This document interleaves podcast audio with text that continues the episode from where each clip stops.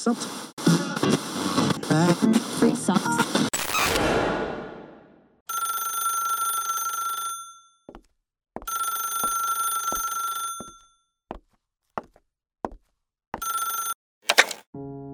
halo semuanya, lo semua lagi dengerin gue Gary Ardian. Gimana kabarnya?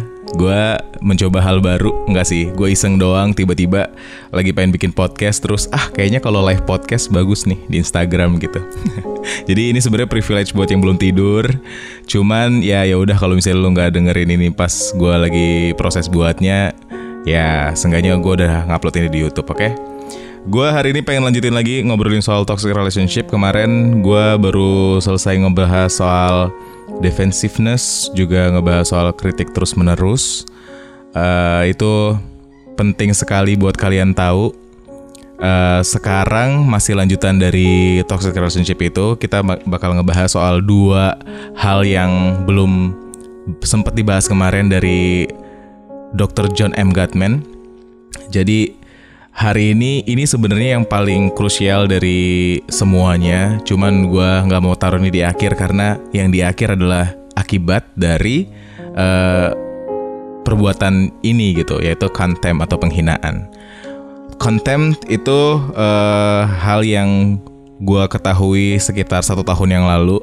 Jadi karena gua eh, s- bekerja sebagai social media manager di sebuah perusahaan yang eh, bahasa Inggris gitu ya pokoknya gue punya bos bule nih ceritanya di Connect Lampung jadi ada sering pertukaran eh, kayak orang dari bu- dari Amerika temen bulenya bos gue ini Bang Erik datang ke sini dan dia eh, kebetulan yang waktu itu datang adalah seorang psikolog gitu terus dia bilang sama gue jadi sering cerita gitu kan karena sefrekuensi kali ya jadi cerita eh, kenapa hubungan setelah nikah banyak yang gagal gitu.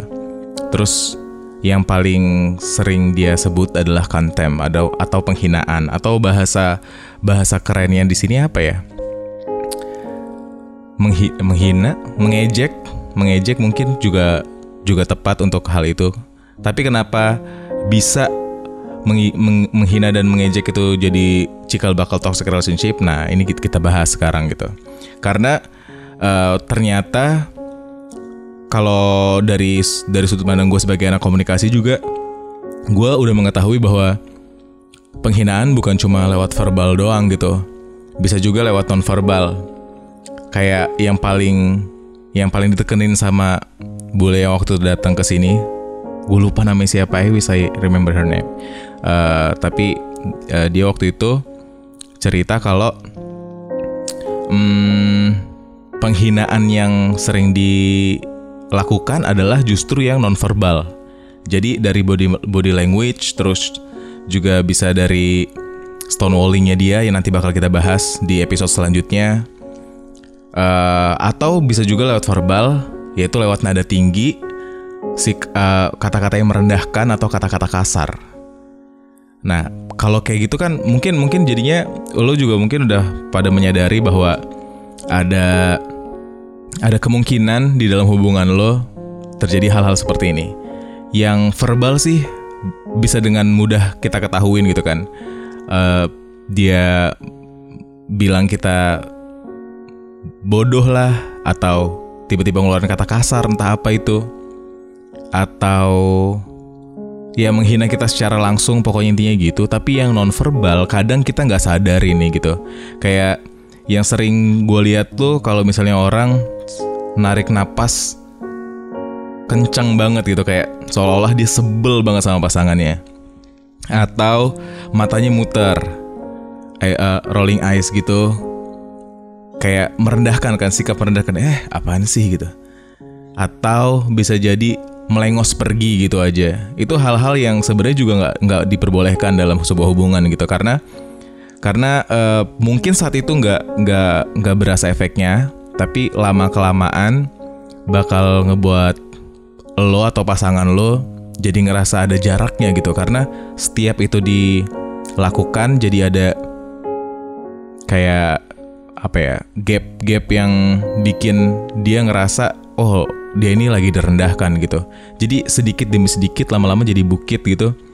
Karena karena emang cikal bakal toxic relationship itu adalah hal-hal yang semacam itu gitu. Awalnya awalnya kita nggak sadarin gitu. Tapi lama kelamaan karena udah menumpuk dan nggak tahu cara menyelesaikannya gimana gitu jarang ada orang yang bilang kayak eh kamu lagi kontem nih sama aku.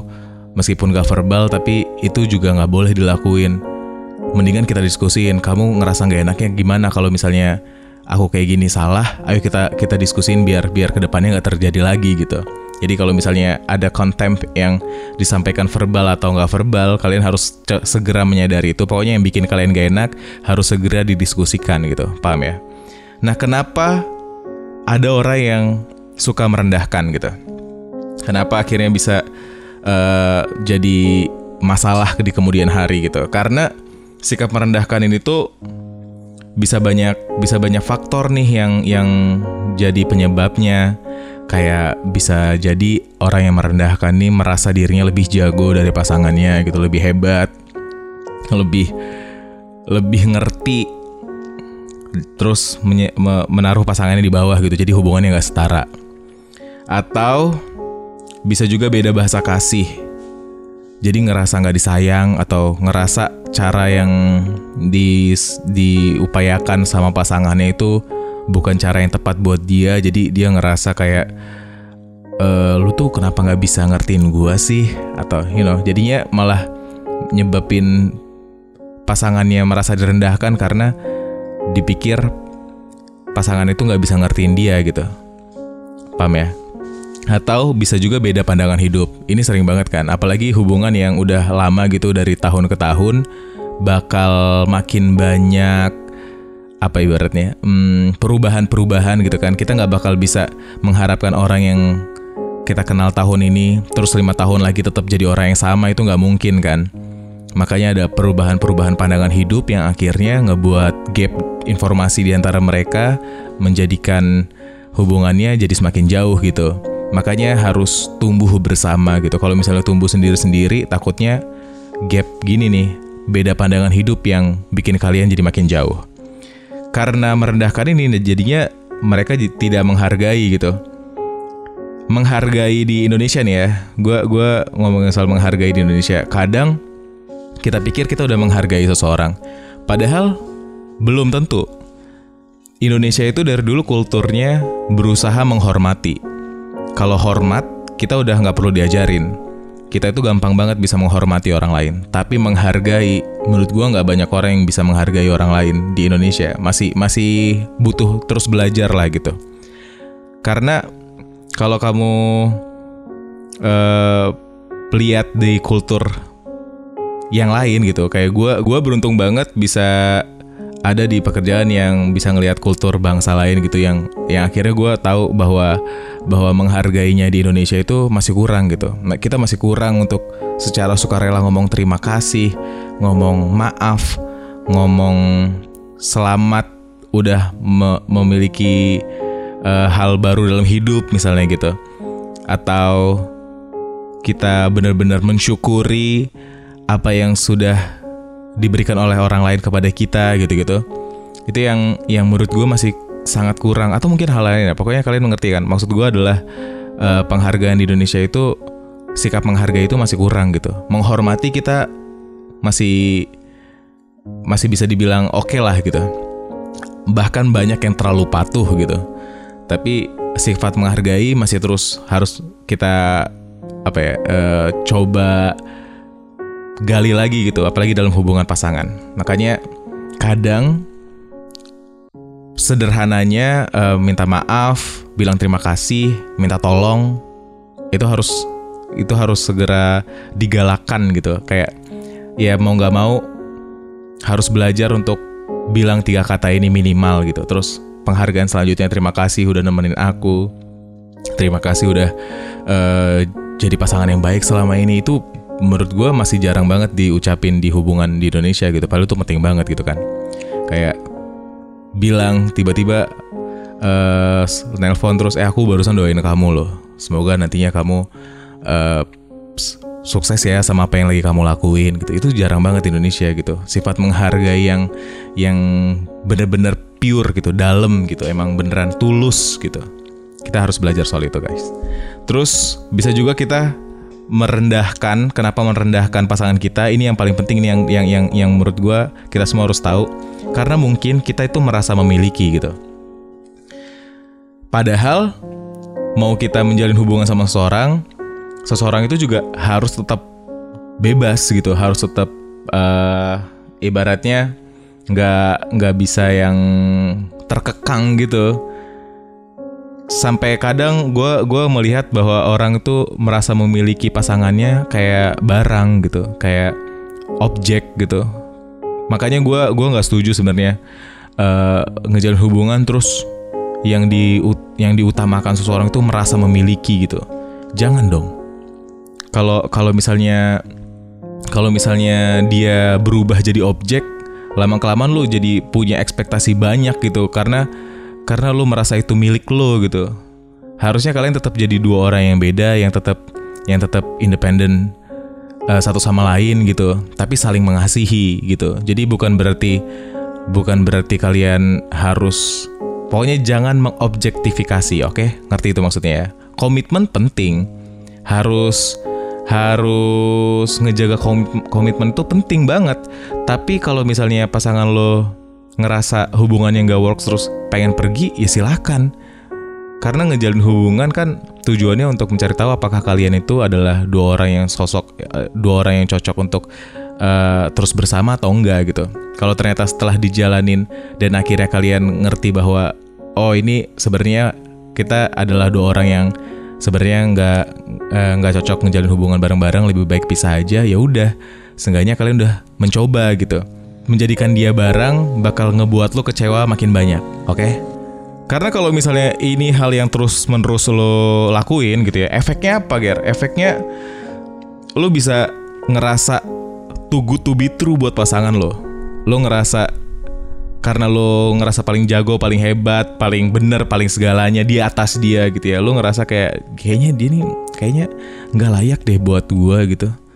Gue tuh terlalu terlalu baik, terlalu hebat, terlalu bagus buat dia gitu. Sedangkan dia orangnya kayak gitu. Paham kan maksudnya? Lo jadi ngerasa nggak ngelayak gitu dia ngedapetin lo gitu. Lo ngerasa lo bisa dapetin sosok yang lain gitu dibanding dia gitu. Dan lo juga mas uh, bakal merasa uh, ya salah pilih jadinya ngerasa salah pilih pasangan tuh nggak baik banget karena kalau lo kayak throwback lagi ke belakang gitu lo pasti bakal nemuin alasan kenapa lo mau jadi pacar dia gitu. Alasan itu kan nggak baik banget kalau lo buang gitu aja pas lo ngerasa dia di kemudian hari nggak sesuai dengan ekspektasi lo gitu. Baiknya lo pikir ulang gitu jangan merasa di atas dia gitu. Coba diskusikan dis diskusikan oke? Okay? terus juga uh, karena lo bener-bener sering merendahkan dia lo bayangin ya kalau lo sering merendahkan pasangan lo, lo pasti bakal mencari-cari perbandingan gitu ada orang yang lebih baik pasti di luar sana ya ya sedangkan kalau misalnya mikirnya gitu mau sampai kapan kita cari terus orang yang lebih baik, lebih baik, lebih baik lagi gitu. Karena orang lebih baik pasti selalu ada gitu. Makanya masalahnya ketika ketika kita menjalin hubungan itu bukan cari yang terbaik aja, tapi juga cari yang paling tepat buat lo gitu. Jadi kalau misalnya setelah lo ngejalin hubungan malah ngebuat lo uh, jadi suka mencari-cari perbandingan, lo harus introspeksi diri gitu. Ada hal yang perlu lo rubah dari dari cara lo uh, memandang pasangan lo hari ini. Karena dengan lo terus-menerus merendahkan dia dan merasa di atas juga, lo jadi sulit berdiskusi sama dia gitu. Lo jadi sulit mendengarkan. Sedangkan dalam hubungan sifat yang paling dibutuhkan adalah kemauan untuk mendengarkan gitu. Kalau kita cuman mau didengerin doang karena kita ngerasa kita yang paling ngerti di dalam hubungan itu dan pasangan kita nggak tahu apa-apa jadinya kita nggak mau mendengarkan pendapat dia gitu dan itu dan itu bahaya banget gitu gue nggak mau melabeli apa-apa karena kalau misalnya gue sampein label yang bisa jadi dari bisa jadi se diklasifikasikan sebagai sifat yang lo lakuin ke pasangan lo hari ini takutnya lo jadi nggak apa ya takutnya lu jadi ngerasa wah gue A, B, C sedangkan diagnosa-diagnosa itu harusnya psikolog yang yang yang menyampaikan gitu. Tapi seenggaknya lu tahu ciri-ciri hal buruk yang harusnya lu hindari dalam hubungan, oke? Dengan begitu, kita bakal ngerti bahwa dampak negatif dari melakukan hal ini itu sangat tidak terkira terperkirakan di awal hubungan tapi lama kelamaan lu bakal ngalamin hal itu kalau dilakukan ber ter, berkelanjutan gitu. Jadi makanya jangan pernah melakukan penghinaan kepada pasangan lu habis ini ya gitu. Kalau misalnya ada sesuatu yang pengen kalian uh, sampaikan gitu, sampaikan secara baik. Yang baru-baru ini gue ketahuin ada tipe ada dua jenis cara kita uh, berkomunikasi dengan pasangan gitu. Mungkin pas pasangan kita emosi, kadang kan kita langsung memberikan jawaban-jawaban sehingga komunikasi yang terjadi saat itu jadinya untuk saling menjawab gitu. Lo sama dia jadi sering jadi malah berargumentasi gitu, adu argumen. Itu karena ternyata ketika kita sedang di dalam fase emosi gitu ya, lagi pengen mengutarakan apa yang dalam benak kita gitu yang keluar tuh bukan sebuah respon tapi sebuah reaksi. Nah, ada perbedaan antara being responsif dengan being reaktif gitu. Kalau kita uh, dalam hubungan yang sedang tidak sehat, sering berantem, terus kemudian kita jadi orang yang selalu reaktif dengan apa pun yang apa pun jenis komunikasi yang terjadi, yang ada kita berantem mulu gitu. Karena reaksi tidak dipikirkan secara matang-matang. Kalau kita mudah bereaksi atas emosi yang disampaikan oleh pasangan kita, hari ini kita sama-sama harus sadar bahwa itu adalah hal yang baiknya dikurangi atau kalau bisa jangan dilakuin gitu. Ketika pasangan kita emosi, kita harus mendengarkan karena kita nggak bisa bilang apa pun yang dia sampaikan itu adalah salah karena itu apa yang dia rasain saat itu. Oke. Okay? Kalau lo ngerasa misalnya misalnya uh, pasangan lo tiba-tiba emosi ngomong aku benci sama kamu, kamu nggak pernah ngertiin aku. Lo nggak bisa bilang, loh kok kamu bi bilang gitu? Aku perasaan selalu ngertiin kamu segala macam. Lo nggak bisa bilang gitu. Itu being reaktif, kayak karena lo ngerasa diserang gitu. Nah, lo harus belajar untuk being responsif. Ketika dia bilang sesuatu semacam itu, lo harus menyadari bahwa dia sedang emosi satu yang berarti ada dua layer nih. Kita udah kita udah pernah bicarain hal itu. Ya. Ada primary emotion dan secondary emotion. Ketika orang ngeluarin emosinya, sebenarnya itu adalah itu ada sesuatu di baliknya yang melatar belakangi dia melakukan hal tersebut gitu. Nah, lo cari tahu tuh kenapa dia melakukan hal tersebut gitu. Kenapa dia merasa seperti itu gitu. Nah, setelah mengetahui itu, setelah mengetahui hal tersebut, baru lo jadi uh, bisa mengeluarkan respon untuk menenangkan secondary emotionnya gitu. Oke, okay, paham ya maksudnya ya. Jadi ketika dia, kamu nggak pernah ngertiin aku. Oke, okay, maaf kalau misalnya aku, kalau misalnya kamu ngerasa aku nggak pernah ngertiin kamu. Oke, kita harus mendengarkan apa yang dia rasain. Kalau lo pengen ngerubah apa yang dia rasa, lo nggak bakal bisa karena kalau kalau itu yang dia rasa ya udah lo harus terima. Kalau dia ngerasa hari ini lo nggak ngertiin dia, ya udah lo terima. Oke, maaf kalau misalnya aku uh, bikin kamu ngerasa aku nggak bisa ngertiin kamu. Bisa tolong jelasin apa yang kamu rasain supaya ke depannya aku bisa perbaikin. Respon seperti itu adalah hal yang uh, sangat dibutuhkan dalam hubungan karena bisa merubah sesuatu yang negatif jadi positif. Kalau misalnya negatif terus-menerus dikasih apa namanya jawaban jawaban-jawaban yang juga malah terus menjerumus ke negatif ya jadinya makin kacau. Paham ya maksudnya ya?